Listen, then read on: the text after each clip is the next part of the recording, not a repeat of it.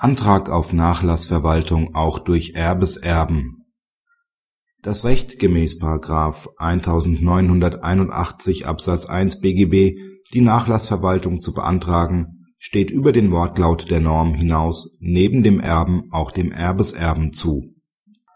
Der vorverstorbene Ehemann setzte mittels Testament seine Ehefrau zur Alleinerbin ein. Er war hälftiger Miteigentümer eines Wohnhauses, welches jedoch überschuldet war die nachverstorbene Ehefrau wurde von deren Abkömmlingen gesetzlich beerbt, wobei ein Sohn, an den die Immobilie zuvor von der Mutter gegen Übernahme der auf dem Haus liegenden Verbindlichkeiten übertragen worden war, die Erbschaft nach der Mutter ausgeschlagen hatte.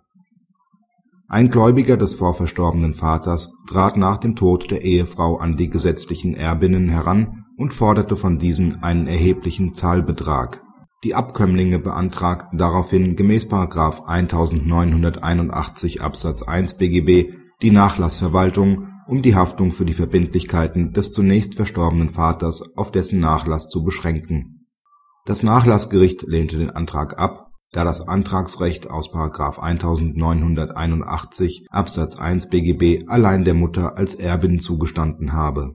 Das Landgericht stützte im Beschwerdeverfahren diese Rechtsansicht während nun auf die weitere Beschwerde der Abkömmlinge das OLG Jena auch den beiden Erbeserben die Antragsbefugnis zur Nachlassverwaltung als Erbeserben zusprach.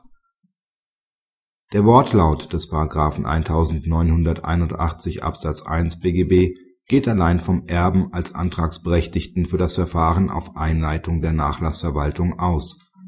Nur wenn bereits eine unbeschränkte Haftung des Erben eingetreten ist entfällt für diesen die Antragsbefugnis (§ 2013 Absatz 1 Satz 1 BGB). Das OLG erweitert den Kreis der Antragsberechtigten nun, indem es davon ausgeht, dass die bloße Nichtnennung des Erbeserben in der Vorschrift nicht gleichbedeutend damit ist, dass diesen ein Antragsrecht versagt sei.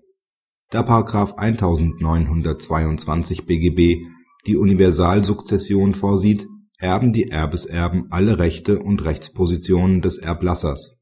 Auch lediglich vermögensrechtliche Rechtslagen werden über § 1922 BGB somit vererbt.